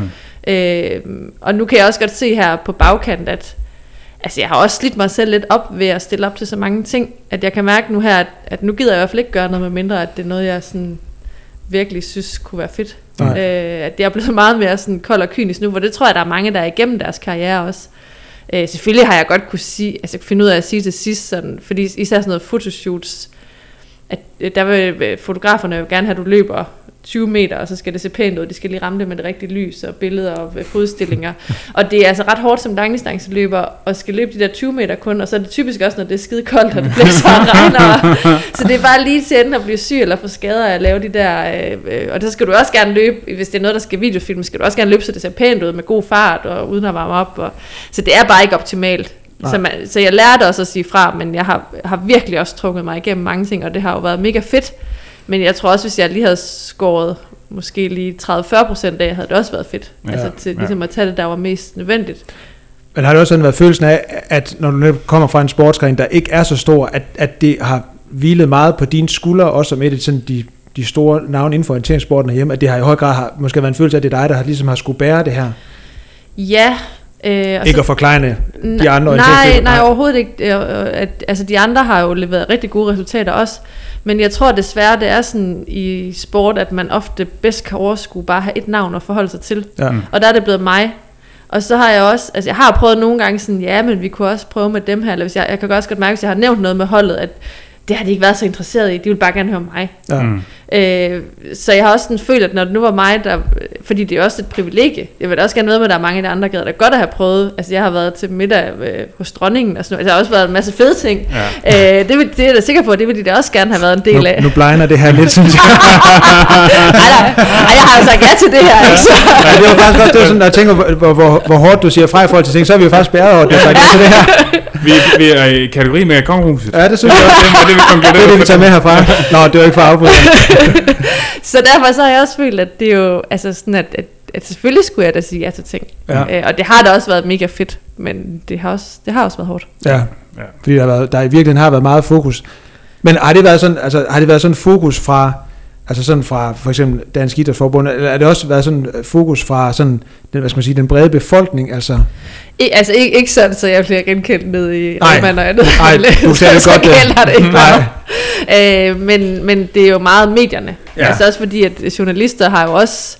Altså de vil også gerne skabe nogle historier. Mm. Og, øh, altså sådan, så der er jo bare... Jeg synes bare, der har været meget. Ja. Også så har vi, vi rejser rigtig meget på træningslejre i orienteringsløb, fordi at øh, man skal ud og finde nogle terrænger, der er relevante for der, hvor VM går. Så det har også været begrænset, hvor mange dage jeg har kunnet. Så tit, når jeg har været hjemme, har jeg også blevet nødt til at have et program om at sætte dang, dang, dang. Ja. Okay. Øh, Altså, det er bare fotoshoot efter fotoshoot med koldt vejr, blæsvejr og, Ja. og 20 meters øh, tempo ja, blok, så bliver det præcis. også sådan lidt. Ja. Ja, Vi havde faktisk tænkt på en fotoshoot, men det dropper vi nu. Her efter er ja, ja, ja. Ej, nu er jeg jo ved at være sådan lidt afdanket i din sport, så kan man godt lokkes til det meste. Ej, jeg, jeg tænkte sådan i forhold til sådan med den brede befolkning, tænker jeg ikke sådan det der med sådan at, at blive stoppet hele tiden hernede i gågaden og sådan noget. Nej, det har ikke du- været så slemt. Nej, øh, og det kan selvfølgelig måske også være en fordel, så man kan gå relativt ubemærket. Ja, det tror jeg faktisk. Men, øh, men, men jeg tænker netop det der med, at, at der måske er sådan lidt, altså et, hvad skal man sige, et eller andet, øh, ja, sådan et, jeg ved ikke, man kalder det et dilemma imellem sådan, altså hvor succesfuld, altså sådan, Danmark egentlig har været sådan inden for orienteringssporten, og hvor meget det sådan egentlig fylder. Altså jeg tænker, hvis nu vi sådan gik en tur ned gennem øh, gågaden og sådan spurgte, hvor mange der sådan lige kunne nævne bare en orienteringsløber, så, altså, ja, det er ikke og så så, mange. nej, altså, jeg tænker ikke, det er så mange, på trods af, at det faktisk er, er en sport, hvor at, at vi har haft enormt stor succes. Altså, Ja. ja. Men det er jo også det, der er sådan lidt øh, paradoxalt, at jeg synes, jeg har brugt rigtig meget tid på det her, og synes jo også, at altså, da, jeg synes også, at, at vi har, altså, i orientering, og at jeg har fået meget opmærksomhed. Øh, men jeg kan jo også se, at lige så snart man så stopper, så er det jo også væk igen. Ja. Altså sådan, at det er jo ikke noget, der sådan var ved for evigt. Nej. Øh, men jeg skal så mærke nede fra Sønderjylland, hvor jeg er fra, at der, altså i hvert fald da jeg øh, høstede flest medaljer, at der vidste nærmest alle, hvem jeg var af navn. Nå, altså jeg blev ikke fedt. genkendt, Nej, men nej. det var sådan, hvis, folk, hvis man sagde mig af Alm, så ville folk godt vide, at det var en orienteringsløber. Ja. Det er Eller kunne sejt. nævne mit navn, hvis det var. Ja. Ja, så Ja. Der, er, der er der bare sådan en helt anden stolthed. Ja, lokalt øh, patriotisme. Ja, meget. Ja, Altså sådan, og det har man virkelig meget i Sønderjylland, tror Ja. jeg. Altså det, har, det har været sådan mega fedt ja. At mærke den støtte også Ja. dernede fra. Lokal helt. Ja. Ja. Ja. Men nu nævnte du selv den her OL-satsning et par gange. Øh, fordi du laver jo også et skift på et tidspunkt, tænker jeg, hvor du går mere over til decideret atletik. Ja. Øh, og øh, ja, det kan være, vi kan sådan lige komme omkring det, og sådan lige høre. Altså, hvad var tankerne bag det, og sådan... Altså jeg tror, det var egentlig ikke fordi, det var blevet for kedeligt at vinde VM-medaljer, fordi det er godt nok altid svært, vil jeg sige. øh, og det er altid, altså jo flere du har vundet, jo mere pres er der også på en. Så Ja. det har været ekstremt svært. Jeg tror måske nærmest det er det omvendte, at det var til sidst, min marginal for at lykkes var så lille. Altså sådan, at Ja. ja. det var at vinde. Ja, vinde eller ingenting. Ja, Ja. og der var ikke så meget udviklingsperspektiv i det. Jeg savnede ligesom det der med, dengang man var ung, og bare kunne kigge frem, okay, nu vil jeg gerne det her mesterskab om tre år, vil jeg Mm. gerne gøre det godt i, og så bare sætte de langsigtede briller på, og så bare sige, det er her, jeg skal top, Ja. og nu skal den bare have en over nakken, for jeg skal udvikle mig. Ja. At det savnede jeg rigtig meget. Ja. Øhm, og så synes jeg også, at altså i og med orienteringsløb er så lille, at det jo folk har nogle gange lidt svært ved sådan at relatere til, okay, du har vundet VM syv gange, men er der overhovedet noget konkurrence? Altså Ja. sådan, at, at, at, at man har ikke sådan noget begreb om, hvor svært det er at nå dertil. Nej, Så jeg synes, at mine medaljer stod ret stærkt, hvis jeg prøvede at få nogle gode tider på banen. mm. Øhm, fordi for mig, i og med at jeg sådan har været så polariseret i, at, at efterårssæsonen har været øh, øh, fester og, og, og slappe lidt af. Mm. Selvfølgelig har jeg altid holdt en nogenlunde træningsbase ved lige, men jeg har ikke løbet gode tider der. Mm. Øh, og foråret har været meget dedikeret til orienteringsløb. Har det været svært at finde nogle tidspunkter, hvor jeg sådan kunne løbe de der baneløb. Også fordi, at der er jo en stor risiko i, som orienteringsløber, at gå ind med piksko på en bane. Ja, Øh, og lige føre en 5.000 meter af. ja. Så det har været sådan noget med at prøve at få en 5.000 meter ind efter et VM, og der er man nogle gange også lidt smadret, eller har påtaget sig en skade, eller mentalt Ja. er man helt træt. Øh, så, så jeg havde svært ved sådan at, at få de der gode løb ind. Øh, og så synes jeg, at det kunne være fedt at prøve at sige, okay, men hvis jeg så virkelig går efter det, hvad, hvad kan det så blive til? Mhm. Øh, og synes også, det satte en streg under, hvilken fysisk formåen man har, når man er en af de bedste orienteringsløbere i verden, hvad, ja. hvad man så kan Ja. i ren løb. ja. Men hvad lægger distancerne egentlig på? Altså, når man løber orienteringsløb? Øh, ja, det varierer meget efter, hvordan terrænet er. Ja. Øh, men vi har sådan en sprint, som er det, jeg har været bedst til, som jo ikke er en sprint, som vi kender det fra atletik, Nej, men det det er sådan en 12-15 minutter. Okay. Så det er jo omkring de der 5.000 meter Ja, tider. ja, okay. Det er Ja. jo ikke helt galt. Nej, okay. Men er det også sådan, både sådan overvejelsen om, at det der, at skiftet fra, fra orienteringsløb til bane, skulle være sådan mere, sådan, altså et mere, sådan, hvad skal man sige, decideret skift, hvor du også laver orienteringssporten bag. Nu siger du selv der med, at sådan skadesrisikoen ved at komme som orienteringsløber, og så ind og lige at løbe en 5.000 meter her. Nu har vi blandt andet snakket med Alberte Kær, som jo veksler lidt mere mellem triathlon og, og, og også atletikdelen mm. og sådan Mm. noget, men at det, det ville være for stor en udfordring for dig, øh, sådan med, med baggrund i orienteringsløbet, at det var sådan nødvendigt til at blive sådan et mere decideret skifte fra at være orienteringsløber til at være atletikudøver, hvis man kan sige det på den måde. Ja, og så var det også med det, altså at prøve at se, om jeg kunne komme til OL, fordi Ja. at, jeg tror også, jeg savnede, altså især der med at have det der store mål nogle år ude, og så sige, Mm. okay, nu er det det, vi gør. Ja. Og så egentlig lidt, altså ikke fordi, at, at det er ligegyldigt, om man når det eller ej, jeg ville da godt have været til OL, Mm. men, men mere det der med, at, at det var noget, der sådan kunne motivere i, efter en flot karriere, altså ligesom sige, okay, men nu skal den bare have, og ja. jeg vidste godt, at det var på toppen af min, min karriereår, Ja. øh, så på den måde var det jo et mega fedt projekt. Ja. Og du sagde jo selv der med sådan, at, at folk måske kunne have sådan svært ved at forholde sig til, at du har været verdensmester syv gange og sådan noget. Er det også sådan lidt, jeg kender sig gerne at ville sådan både prøve dig selv af i atletik, men også sådan prøve, nu sagde der med, og, at din medalje måske også vil stå stærkt, hvis du også kommer ind og løbe nogle gode tider, der med, at det kan være nemmere for folk ja. At forholde sig til, hvad man kan løbe på 5 km eller på 10 km, ja. Sådan på de mere traditionelle atletikdistancer. Ja, meget. Ja. Altså nu har jeg holdt en del foredrag Og når jeg siger, at syvdobbelt verdensmester i orienteringsløb, er folk sådan, Åh, ja. når jeg så siger, at jeg har levet på en 5.000 meter, fordi mm. næsten alle har levet en DHL, ikke? Ja. altså så er folk sådan, wow. Ja. Altså sådan, at, at det er bare, der er bare en anden wow-faktor Ja. ja. ved, øh, ved de der rene tider. Ja. Øh, så på den måde har altså, synes jeg, det har været, ja, det har været mega fedt Ja. ja. at have de der tider også oveni. At det bliver sådan mere tilgængeligt for folk sådan at forstå sådan niveauet i det. Mm. Ja, Ja, meget. ja. meget. Hvordan, altså jeg tænker sådan, hvis man sådan skal tage sådan skiftet fra netop orienteringsløb over til sådan atletikken, altså sådan, altså hvordan, hvordan var det? Jeg tænker også, om der er sådan nogle ting, der sådan, altså sådan adskiller sig sådan markante ting, og selvfølgelig der er det, ja. Mig, at du render ud med kompas ind på banen. ja, der, der, var, ja, der var mange ting. Ja. Øhm, faktisk tror jeg, at det, der sådan skinner mest igennem, når jeg lige sådan kigger tilbage på det lige nu, det er nok...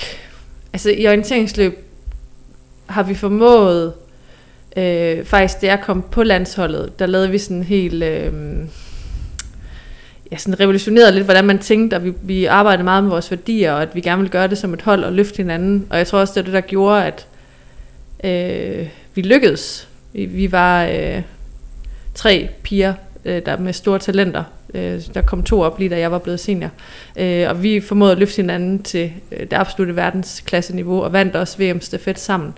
Øh, så det var en rejse, hvor man ligesom havde været et helt hold, der bare havde kæmpet for det samme, og ville gerne komme af med, øh, ikke komme af med konkurrenceelementet, men at man, man undede hinanden det bedste, og at, at at vi havde en god tone, når vi var afsted. Altså, vi havde, vi, det var virkelig noget, der fyldte meget, det her værdiarbejde. Øh, og det har været mega hårdt. Det har krævet virkelig mange lange møder, og ja, øh, også været lidt kedeligt til tider, men det har virkelig gjort en revolution i, at, og jeg, og jeg er helt sikker på, at det er derfor, vi har lykkedes så godt, som vi har. ja.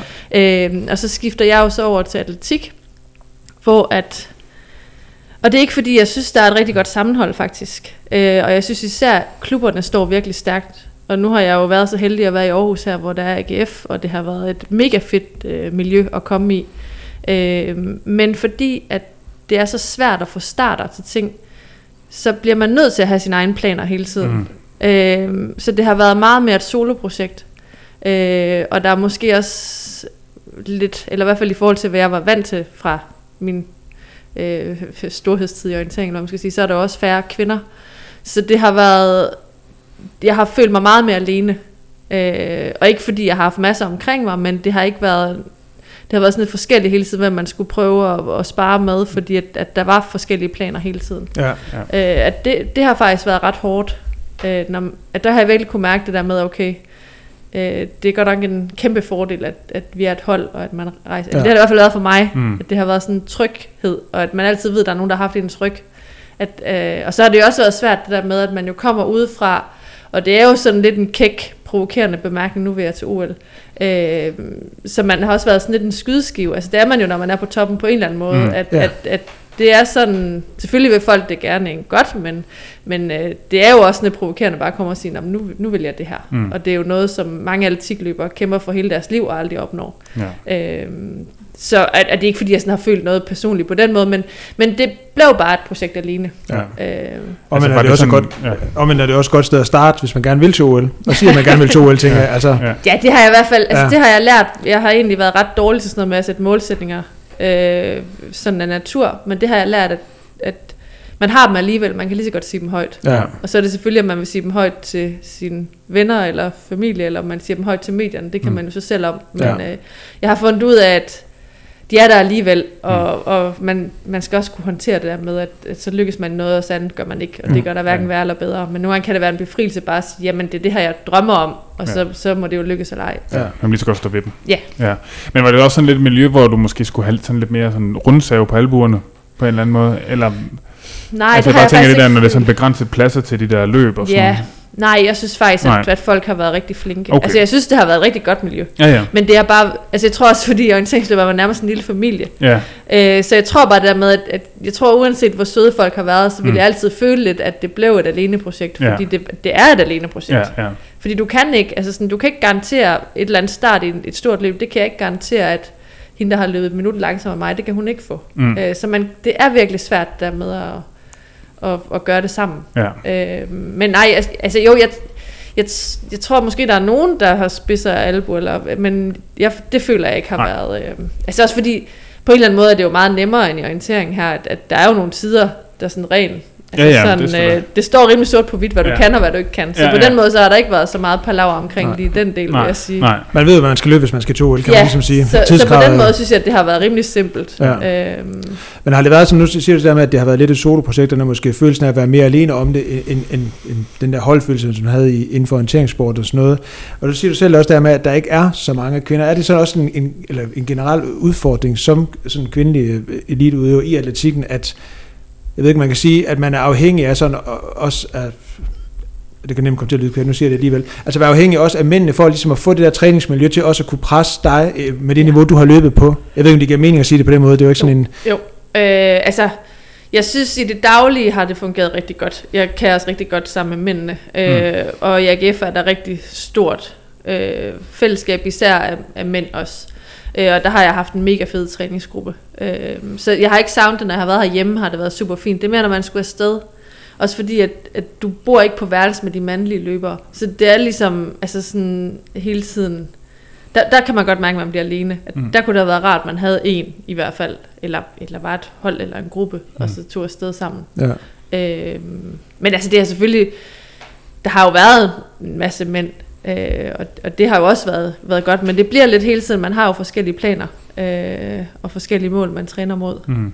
Var det, jeg tænker også, om der har været sådan lidt et skift. Nu siger du selv der med, at da du kom eller, og var en del af, af hvad hedder det, miljøet omkring orienteringsløb herhjemme, at du på en eller anden måde ligesom var sådan, lad os sådan sige, frontfiguren i det, i hvert fald den, som mange trak på, fordi det også ligesom var, var, var dit navn, der, der mange gange gik igen.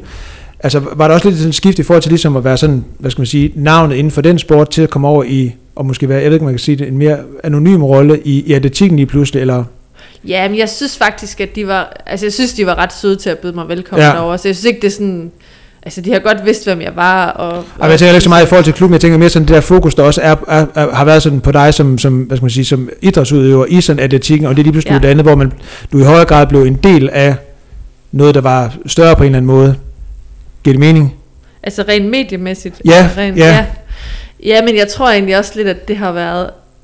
Altså, jeg tror, det har også været lidt mit eget bevidste valg. Mm. At jeg tror, jeg lidt havde brug for ro. Altså Ja. ja. sådan, så, så der har været flere gange, hvor der har været journalister, der har taget kontakt, hvor jeg enten har sagt nej, eller Ja. ja. ikke har svaret. Ja. Eller, altså sådan, så, så jeg, jeg kan jo godt se, at der har været meget mindre fokus på mig, men, men det har egentlig også været mig selv, der har ønsket Der har valgt det også. Ja, Ja. Ja. ja. Du sagde det også selv lidt, det der med, at det har Ja. næsten været sådan, at du fik stresssymptomer over at skulle rende rundt til, ja jeg tror bare, jeg, og ja, interviews. Og, synes, jeg havde været trukket rundt i Malaysia Ja, nok, ja, ja, og var ja. egentlig sådan, nu gør jeg det egentlig bare, fordi jeg nyder det. Ja, Øh, men altså, men selve skiftet, har, altså det første år, jeg skiftede over, var også mega fedt. Også bare at skifte miljø og Mm. komme, altså der, der var rigtig meget energi også, følte jeg.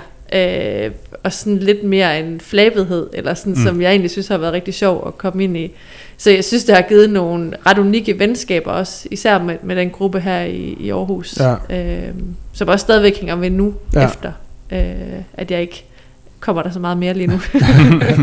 Ja, og det virker faktisk også øh, sådan, når vi sådan har været ude, nu har vi snakket med, med, med lidt forskellige, som også har tilknytning i sådan den ene eller anden øh, forstand til, til AGF og, og, og den gruppe sådan af, af langdistanceløbere derinde, at, at det er faktisk noget, de sådan gennemgående fremhæver, altså det der ja. Sammenhold og sådan, altså, øh, Og så er det jo faktisk ikke kun, altså nu er det jo AGF, fordi det er det, der er for mig, men det er jo også på tværs af klubber.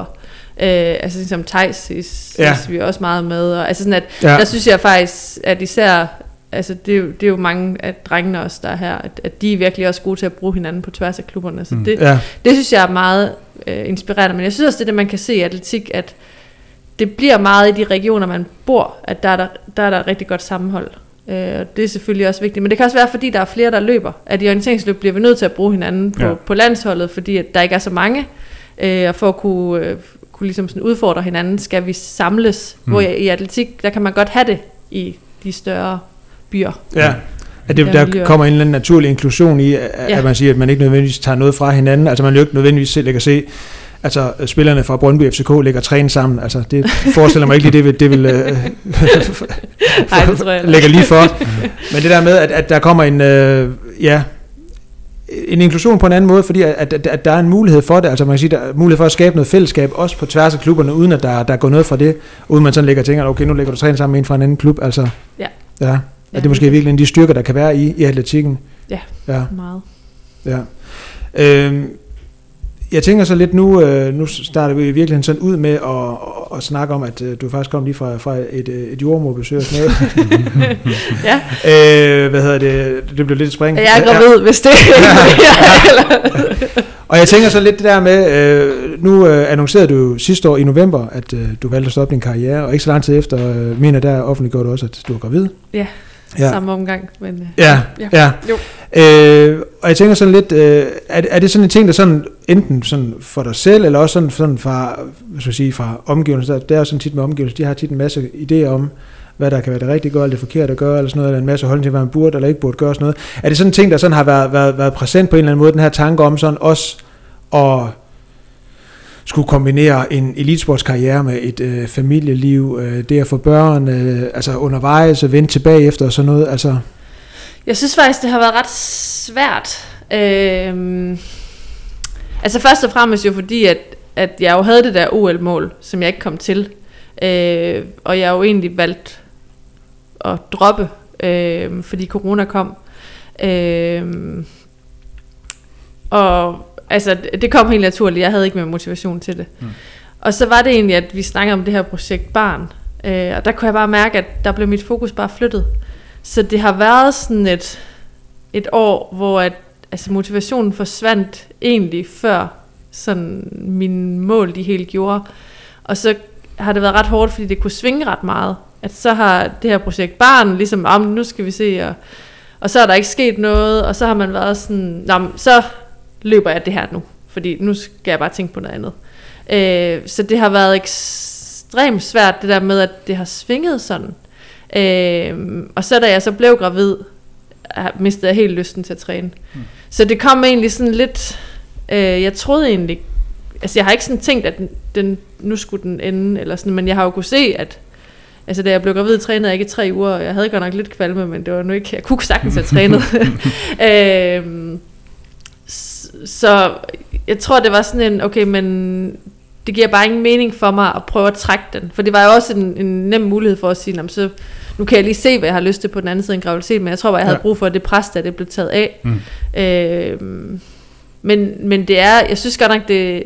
Altså jeg havde sådan troet, at man sådan ville få sådan en helt øh, åbenbaring om, nu er det slut. Det her er det sidste, nu er det slut. Mm. Men for mig har det mere været den der motivation, der har svinget, og så er det blevet sådan, nå, jamen nu vil det faktisk være rart for mig bare at sige, nu er det slut.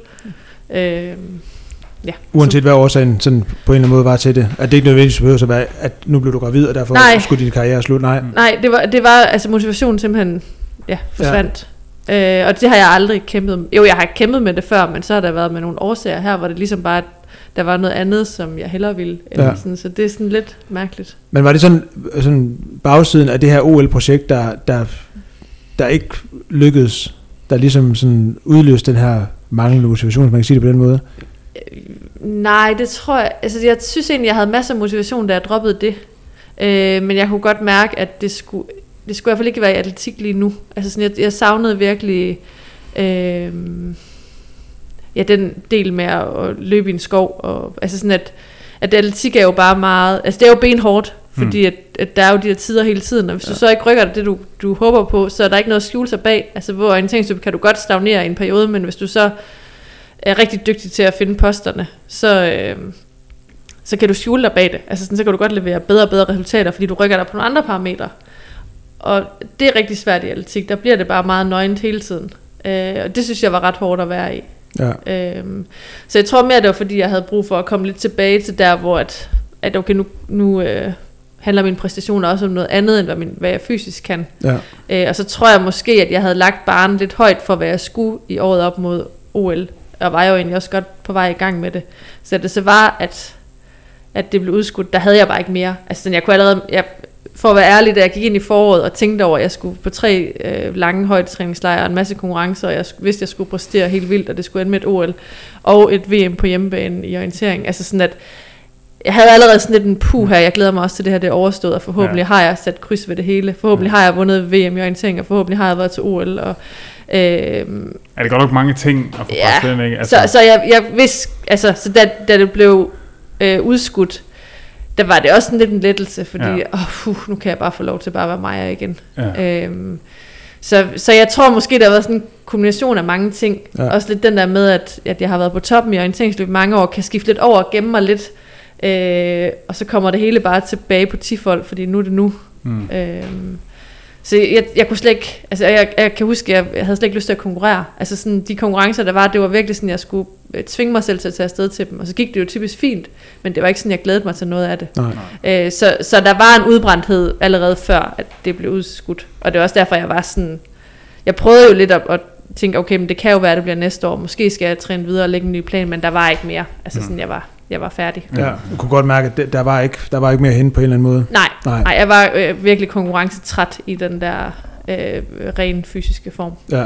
Men jeg tænker også, at det har været, altså, det har været mange år også, altså på højeste niveau, både inden for orienteringsløb, men også inden for atletik, med konkurrencer, med, med det pres, der følger med. Det tænker jeg også bare, og det var du jo også, også selv været inde på i forhold til, til det her med sådan at, at, at være en del af ja, verdenseliten i- inden for orienteringsløb, at, at det bare er forbundet med et enormt pres. Altså, Det er det. Det er, det er hårdt at være i. Så tror jeg også, det jeg havde gjort anderledes her, da jeg, altså jeg lavede ligesom skiftet, da der var to år til OL. Øhm, at der havde jeg pausen lige efter VM, men så var det ligesom to år, hvor jeg skulle køre på hele tiden, for at nå at rykke mig det, der skulle Mm. til. Så jeg tror måske også, det har været det, der har brændt mig ud, at jeg ikke har haft det der halve år rigtigt, som jeg plejer at have, hvor jeg sådan bare kan gå helt ned i gear. Og, øh, så jeg havde, jeg havde presset citronen rigtig meget. ja. Ja. Så du går ikke sådan og, og tænker nu her, når at, øh, at du er blevet mor og sådan noget, og tænker, ah, det kunne være det der maraton og sådan noget, som... Øh, Nej, altså, det er jo sådan lidt paradoxalt, fordi lige nu gør jeg, men jeg tror også, lige nu er jeg jo bare i en venteposition, hvor om tre måneder kommer der et barn, så Ja. øh, altså sådan, lige nu gad jeg godt prøve at løbe et maraton, men altså, det ændrer sig jo nok lige så snart, at der er noget andet, der fylder. Ja. Øh, altså, jeg vil, ikke, jeg vil ikke afskrive, at jeg kunne finde på det, men det bliver, jeg, jeg tvivler rigtig, rigtig meget på, at det bliver altså på elite-niveau. elite-niveau, ja. Okay. Så bliver det mere for at prøve at se, hvad kan jeg lige nå. Ja. Øh, ja, eller hvad kan jeg gøre med, med de forudsætninger, jeg har nu? Mm. Ja. Jeg, jeg kan godt lide sådan nogle umulighedsprojekter. Så, øh, så jeg tror, hvis jeg kan finde et eller andet, der lige sådan trigger mig til, nu kunne det her være fedt, så tror jeg godt, jeg kunne finde på det. Ja. Øh, men, men ikke, ikke øh, altså det, det kan jo ikke være sådan et egoistisk projekt længere på samme måde, så det må man jo også erkende. ja, der kommer nok en, der også er ret god Ja. til sådan at, at sørge for, at dit fokus kommer i den retning. Ja, Ja. præcis. Nej, men grunden til, at jeg også lidt spørger ind til, det er jo også, at, og, og nu snakker vi også det der med sådan, at, at omgivelser og sådan folk, der står omkring, jo tit kan have en masse holdninger. Vi snakker med Alberte, mm. og, og som jo nogle gange kunne stå i der med, altså at være en god landevejsløber, og så få den her ting, hvor hurtigt så kunne løbe, hvis nu ikke hun dyrkede triathlon Ja. og sådan noget. Og jeg tænker også, at, at den, øh, den tid, du løb til, til Copenhagen har haft, da du bliver, da du bliver Danmarksmester, også, øh, kunne jeg forestille mig, afføre den, den sådan helt naturligt, okay, hvor hurtigt kunne du så ikke løbe en maraton? Der er en Mm. dansk rekord, 2.29, er den pludselig, øh, pludselig spille øh, en mulig OL-kvalifikation der. At der kan være en masse, der sådan har en masse tanker om, hvad man burde og ikke burde, og hvad der burde være en god idé. Det burde jo være den naturlige forlængelse, når man løbet så hurtigt halvmarathon, og det var, mener, det var, dit, var vel også sådan dit første officielle halvmarathon, ikke? Jo, det er det eneste, jeg har levet. Super. ja, ja, men der er heller ingen grund til at gå gennem på de gode tider. Altså, så og, om det er også noget, du sådan har oplevet der med, at der kan være mange, der sådan kan have nogle holdninger til. Ja. Ja. Og det var, jeg tror også, det var det, der var lidt hårdt ved at, at faktisk lave det der skift. Øh, fordi at lige pludselig så... Øh, altså, jeg har jo altid haft det der med, at jamen, jeg løber det jo bare, for jeg, har, altså sådan, jeg er jo orienteringsløber, og nu løber jeg bare lige den her 10.000 eller 5.000 meter, eller hvad det nu er. Øh, men når man så har lavet skiftet, så kan man jo ikke gemme sig bag det lige pludselig. Mm-hmm. Og der kunne jeg også godt mærke, at der er jo nogle andre sådan taktisk mentale ting i det at præstere i landevejsløb og baneløb, som jeg jo ikke er vokset op med.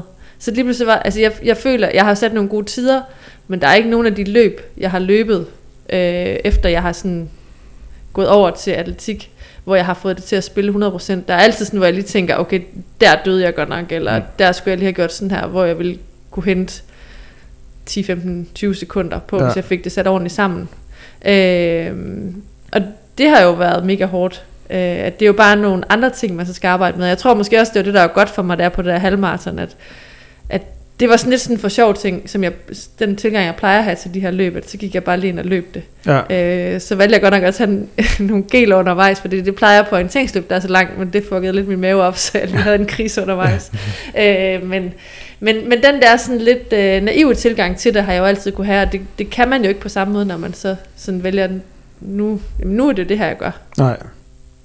Så det, tænker du så mere, at det sådan har været sådan nogle, nogle taktiske, sådan konkurrencemæssige sådan, øh, ting i forhold til løbene og sådan noget, altså Ja. end bare det at skulle ud og løbe i en anden bestemt tid, altså for eksempel et OL-krav eller sådan, men det er med sådan at konkurrere på banen, altså. Ja, og så også, at, at der er jo... Altså når man ikke ved, hvad man kan, så går man jo bare ind, så løber man bare til den, og så bliver det hårdt på et tidspunkt. og så tænker man, "Nå, nu skal jeg bare lige hjem. Og altså, det er sådan lidt den der, øh, sådan lidt barnlige tilgang til et, et, et løb, at du går bare ind og giver den ind over nakken, og så Mm. bliver det hårdt på et tidspunkt. Og, åh, det var måske ikke det mest optimale, men tit så bliver det faktisk ret gode løb. Hvor her, hvis du lige pludselig, så kan du se, du har en plan, jeg skal løbe det her, og lige pludselig kan du se, åh, jeg kan ikke holde de der, eller jeg mister nogle sekunder hver omgang, eller sådan et eller andet, at det er mentalt ekstremt hårdt. Og, og det, det, altså, det er jo også noget, man skal lære, at når man sådan har alle det på de her kilometer, eller, altså, at Ja, det, det, tro, det tror jeg, jeg skulle have haft noget længere tid til at, at nå at lære ja. den del.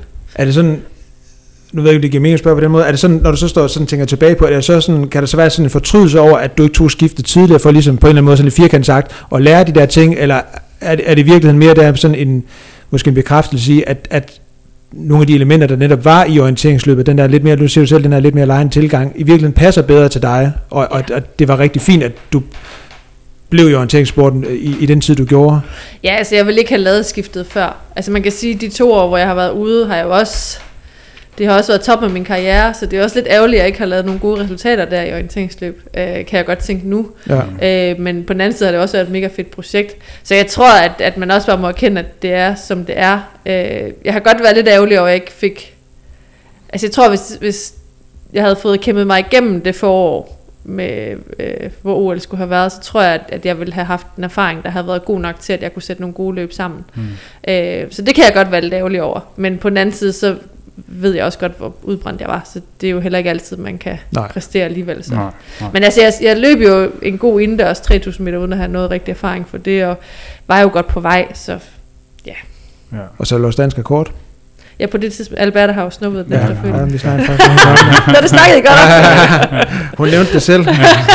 Ja, så jeg tog den faktisk fra mig. Han virkelig kørt rundt i den. Mig havde den før.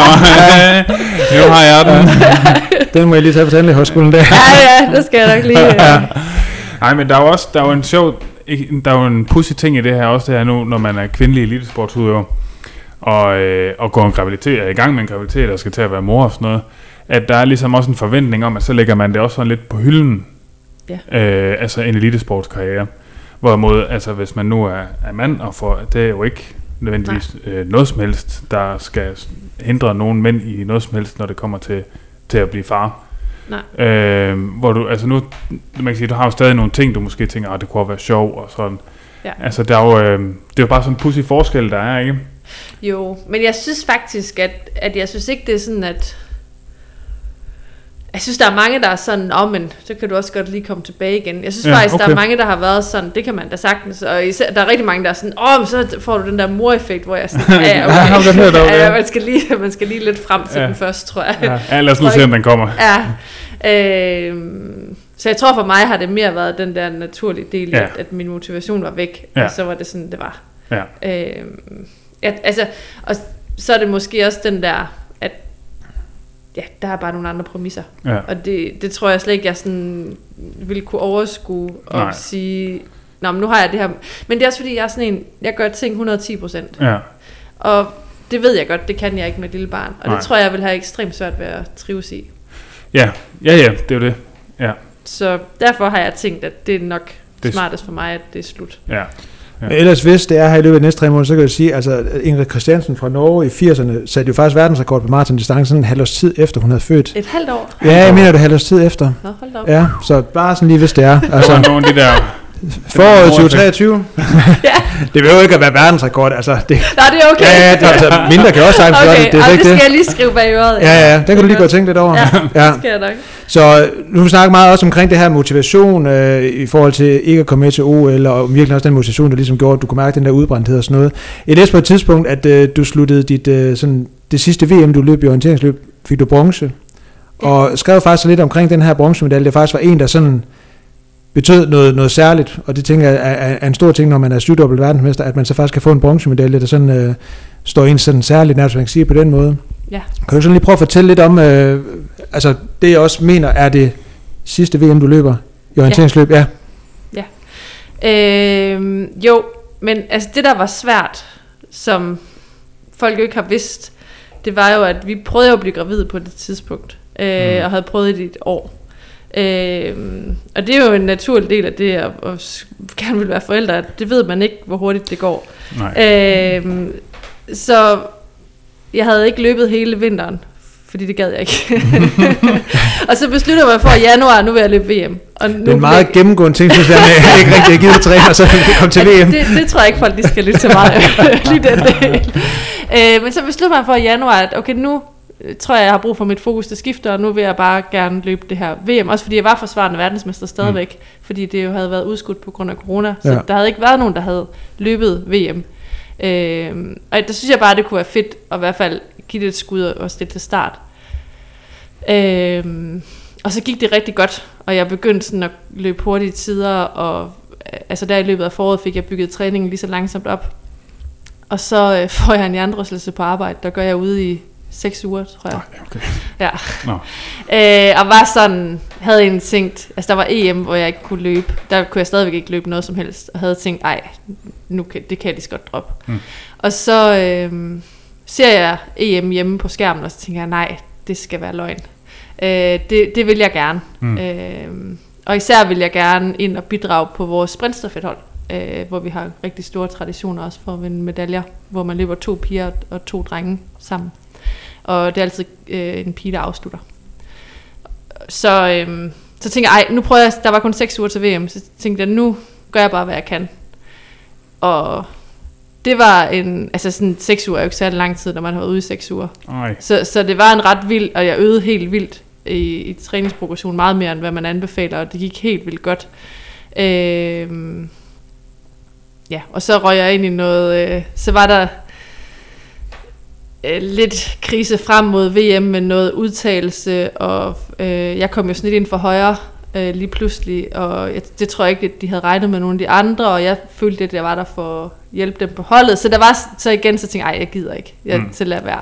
Og det havde jeg en en uge før VM, der trænede jeg ikke i to dage, så tænkte jeg, det gider jeg ikke. øh, og så var det, jeg havde en snak med vores træner og sportspsykolog, og så fandt vi ud af, at det skulle jeg alligevel.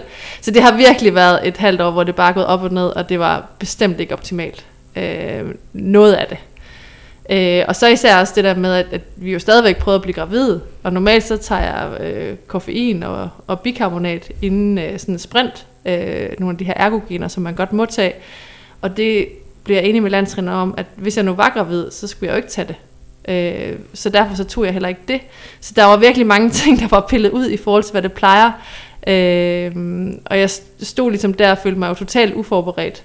Og havde heller ikke løbet særlig meget orienteringsløb, eller særlig mange sprinter, fordi jeg havde ude i de der seks uger. Så der, og så stillede jeg op som forsvarende verdensmester og blev hypet helt vildt. Øh, så det var bare kæmpestort at Mm. være der.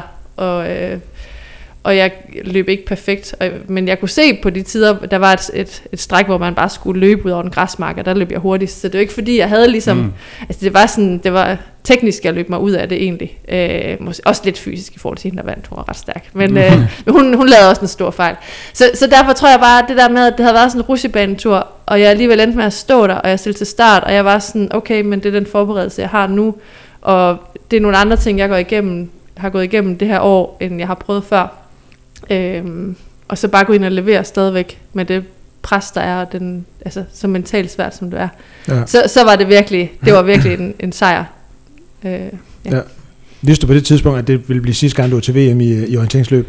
Øh, ja, det håbede jeg jo lidt, fordi jeg håbede, at vi skulle have et barn i Ja. stedet for, og så ved jeg godt, at så er det svært at få til at hænge sammen, især fordi man skal rejse så meget. Ja. Øh, så jeg kan huske, jeg stod på præmieskamlen, og der havde jeg løbet øh, sprintstafetten. Vi blev desværre nummer 4. Øh, men der skulle jeg over, eller have min medalje fra, fra sprinten der dagen inden. Og jeg kan huske, jeg fik den, og vi stod og lyttede til, det var en svensker, der vandt, så vi stod og lyttede til den svenske nationalmelodi. Og min tårer, de løb bare, fordi jeg havde den der fornemmelse af, at det er sidste gang, jeg står her. Mm. Og jeg kunne ikke fortælle de andre, hvorfor. Mm. Fordi jeg havde ikke lyst til at fortælle dem, at, at jeg godt ville være mor. Mm. Øh, men det var virkelig et, ja, det var et, et vildt øjeblik. Ja. Øh, Og der har været nogle svensker, som har tænkt, du virkelig har været Ja. glad for Ja, det. jeg tror, jeg tror, der var eller nej, men så troede, jeg ved ikke, om de troede, jeg var helt vildt skuffet. så var det at tude. Og så da jeg kom ned, kunne jeg heller ikke stoppe med at tude. Det var virkelig, øh, ja. Men Ja. ja. det var den der, sådan, der følte jeg sådan, okay, det her det er alligevel sådan en Ja. afrunding. på Det er en, kombination, en stor kombination på, på en lang karriere, og så Ja. mange ting, jo, der går op i en højere enhed. Ja, præcis. Men det er også virkelig en ting, altså nu siger du da også alt det her med, at sådan vil være gravid, mens Mm. man har en elitekarriere, og der var måske heller ikke lige nogen for landsforbund, eller for forbund, du lige havde måske lyst til at inddrage i de ting. Altså, der er jo også nogle ting der, tænker jeg, som, som du har skulle tage højde for. Altså også det der med, at du træner slet ikke hen over sommeren, det tænk, eller vinteren, det tænker jeg også var en del af. det var heller ikke så optimalt. Nej, men det var nok også en del af det her med sådan at, at gøre det nemmere at blive gravid, tænker jeg. Ja, det Ja, var det. Og det er ja. også det, der var, altså da jeg står der frem mod, normalt så, øhm, jeg har godt kunne lide, eller jeg har følt, jeg har passet bedst på min krop og på, på mit øh, mentale helbred, ved bare at have et afslappet forhold til mad hele Ja, året rundt. ja. Måske varet lidt mere end, end ja, hvad en løber ellers gør. Ja, Øh, og så tabe 5 kilo ind fra, øh, de sidste to måneder ind mod et mesterskab. okay. Og så ligge rigtig lavt i vægt til VM. Ja, ja, Øh, og det har fungeret for mig, jeg har også følt, at, at min krop har været sund, og jeg har kunne se, at jeg kunne holde til at, ja. Ja. at træne i mange år. Men det havde jeg jo heller ikke lyst til. Fordi jeg, jeg vidste også godt, at dem her på den anden side, så vil jeg egentlig gerne noget andet også. Ja. Og så skal jeg ikke lige ødelægge min krop, ved at der skal gå endnu, endnu længere tid, for at, at, at vi kan blive gravid. Nej. Så det var, altså, det var ekstremt svært, det der med at stå med et, et, et ben halvt over, at nu, nu vil jeg gerne være mor, Ja. og så stadigvæk skulle kunne præstere der, hvor, hvor man er lige nu og ja, her. ja. Det kunne jeg godt forestille mig. Men der er også den her ting, altså med især kvindelig elitesport og vægt, som jo er sådan en ting, der også har været lidt op i medierne også, især med al den her sag fra svømmelandsholdet og alt det her. øh. Altså nu siger du, nu, nu laver du så den her, du tager to måneder, så kører du helt ned. Ja. Altså jeg tænker også, man må måske se nogle lidt ærgerlige tilfælde, hvor at man gør det 12 måneder i stedet for, øh, i stedet for to måneder, øh, hvor Ja. at det måske har nogle lidt negative konsekvenser på, på en kvindekrop især. Altså det er jeg ikke i tvivl om, at der er nogen... Jeg tror, jeg, det tror jeg så ikke kun er kvinder, det tror jeg lige så meget kan være mænd. Ja, Øhm, men men for jeg har det måske bare lidt større konsekvenser. ja, og, og man kan måske også... Jeg ved ikke, om man kan gøre det mere ekstremt, men der er i hvert fald... Altså sådan... Ja, der, altså med kvinde skal man jo gerne have nogle former og sådan nogle ting. Ja, Ja, der kan man ja. jo godt fjerne det meste af det, og Ja. det tror jeg bestemt ikke er hensigtsmæssigt. Nej. Øhm, men for, ja, for mig har jeg tænkt, at, at det måtte være bedst for min krop, at den havde rigeligt med energi, Ja. når det var, jeg trænede meget. Ja, Øh, og også, at, at jeg kunne spise, hvad jeg ville. Altså, hvis Ja. jeg havde lyst til en kage, kunne jeg købe en kage. ja. Øh, Eller faste lavnsbolle. Eller fast lavnsbolle, jeg lige præcis. Især en fast. Ja. Øhm, og så vil jeg hellere have den der sådan helt øh, ekstreme tilgang til det to Ja, måneder før. ja. Men altså, det har også været svært, fordi så er der også fødselsdag, du skal til. Ja, ja, og ja. Jeg kan huske, at jeg har været til fødselsdag hos nogle af mine veninder, fordi så havde jeg det sådan, så ville jeg ingenting røre, fordi Mm. det kunne jeg ikke styre. Nej. Øh, altså søde sagde, at jeg vil godt røre mad. Men, øh, at det har også været hårdt, at, at så især, der så sidder der øh, en venindes veninde, der kigger på, okay, der, du er den tyndeste her, hvorfor, hvorfor spiser du ikke noget kage? Eller Ja, sådan. ja, ja. Men altså, der har jeg bare været sådan, det er sådan, det er, og dem omkring mig ved det godt, og Ja. kan godt forstå det. Så kan det godt være dem, der kigger udefra, de tænker, det er mærkeligt. ja. Øh, Men det har måske også været sådan en ting, der har ligesom været med til at gøre dig sådan lidt mere laserfokuseret derhen mod Ja. konkurrencen. Altså nu skal du top, nu kører vi alting ind på det. Ja. Og skal alt det overflødige fra lige der den sidste periode op til. Ja. Og Ja. det har jo været i, i forbindelse med, altså i samarbejde med Team Danmarks diætister, Ja, så det er ikke ja. bare noget, jeg selv har fundet på. Nej, nej, nej. Øh, og de har også været sådan, altså de sidste par år, hvor jeg gjorde det, der kom jeg også langt ned i vægt, og der var de sådan, det er helt perfekt, det du vejer, Ja, men efter VM skal du også gerne den første måned tage øh, nogle kilo på. ja, Og det skal gerne gå rimelig hurtigt, ja. fordi det er ikke sundt for dig at ligge alt for lang tid i den her vægt. Nej. Så det, det synes jeg egentlig også har været Ja. ja. sådan en rar, det der med, at, at det bliver mere sådan et, et redskab og sådan en naturvidenskabelig Mm. øh, tilgang til det, frem for at det bliver sådan et ideal. Ja, Øh, fordi det tror jeg er farligt, hvis Ja. ja. man hele tiden kigger på, hvordan ser de bedst ud, og hvordan vil jeg gerne. ja, Nå, så skal jeg også se sådan her ud. Eller, ja. Jeg tror, man skal se sådan ud hele tiden. Ja. Øh, og ikke bare lige, når man skal være allerskarpest. Fordi det er alle de fede billeder, vi har taget til mesterskaberne. Ja. Øh, og det er dem, man måske poster resten af året, så tror man... Men jeg tror også, der er nogen, der ser sådan ud hele tiden, men jeg Ja. tror bare, at det er en øh, lidt farlig Mm. øh, balancegang. Ja, Kan det være sådan et overset problem? Nu siger du selv det med, at det også kan være... Altså for, for, for, for eksempel snakker om relativ energimangel. Ja. Du siger også selv det med, at det også kan være et problem for mænd. Er, det, kan, er, er der en, til en eller anden farmoment, i det måske kan være et, et, et overset problem for mænd, fordi det ikke er synligt på samme måde, eller måske også fordi ja. Ja. man sådan kan, der kan være forskel på det kropsideal. Altså vi sådan lidt tidligere snakker også om, at det der, sådan, hvis man sådan ser toptrimmede løber, for eksempel til startstregen på et maraton, at der måske også kan være forskel, forskel på den måde, man sådan i tale sætter de mandlige løber og de kvindelige løber på. Altså, Ja. øh, og fordi det måske også bliver tydeligere i forhold til kvindekroppen, hvis man er i voldsom energiunderskud. Altså det, det, det synes jeg er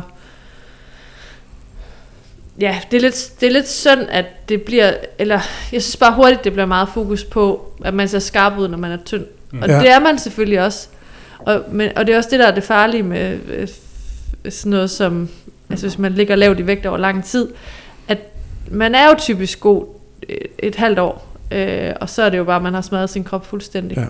Ja. Øh, men jeg synes egentlig ikke, der er noget problem i, at, at som senior, synes jeg, at der er mange, øh, hvor vi ser, det, det kan man godt have succes med, og man kan måske også godt ligge rimelig lavt over en længere periode. Jeg synes, der hvor problemet er, det er især, at der er mange unge, der kigger. Mm. Sådan noget 16-20-årige, øh, hvor at der er mange, der ligger rigtig lavt Mm. øh, i vægt, kigger på de gode, hvordan ser de ud, så gør de også det.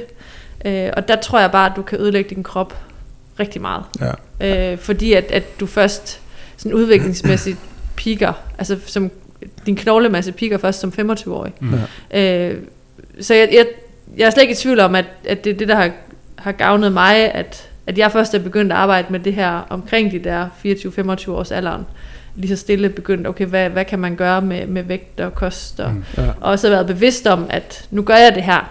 Også fordi mentalt er det også rigtig svært, når man har ligget 5 kilo lavere end det, man plejer, så bliver det også hurtigt, at okay, men, men det er egentlig det her, der er den rigtige vægt, eller den fede Ja. vægt, der ligger Ja. ja. i. Øh, men så har jeg jo selvfølgelig været bevidst om, at det kan du godt kunne gøre ved mig. Mm. Øh, men, men det er mega svært også, fordi det, lige så snart du har været, altså arbejdet med, med vægt og kost, så vil det altid ligge lidt i baghovedet på dig. Ja. Ja. Og det gør det også den dag i dag for mig. Mm. Altså så nu er jeg gravid og skal tage på, men det er da svært. Det ved jeg godt, det er der Ja. sikkert mange, der vil synes, som heller ikke er atleter. Ja, ja. Men, men de der idealer er bare rigtig farlige på en Ja. eller anden måde. Ja. Men jeg kan godt lide din, det her med, at du siger, at det er bedre at vente, altså til man kommer godt op i seniorårene.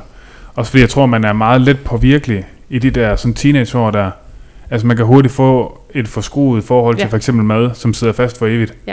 Øh, og som du aldrig slipper afsted med. Men hvis du det der med, at du venter til du er voksen og kan tage lidt mere fornuftigt, altså bare indse, at man er lidt mere fornuftig som 25-årig, end man er som 17-årig.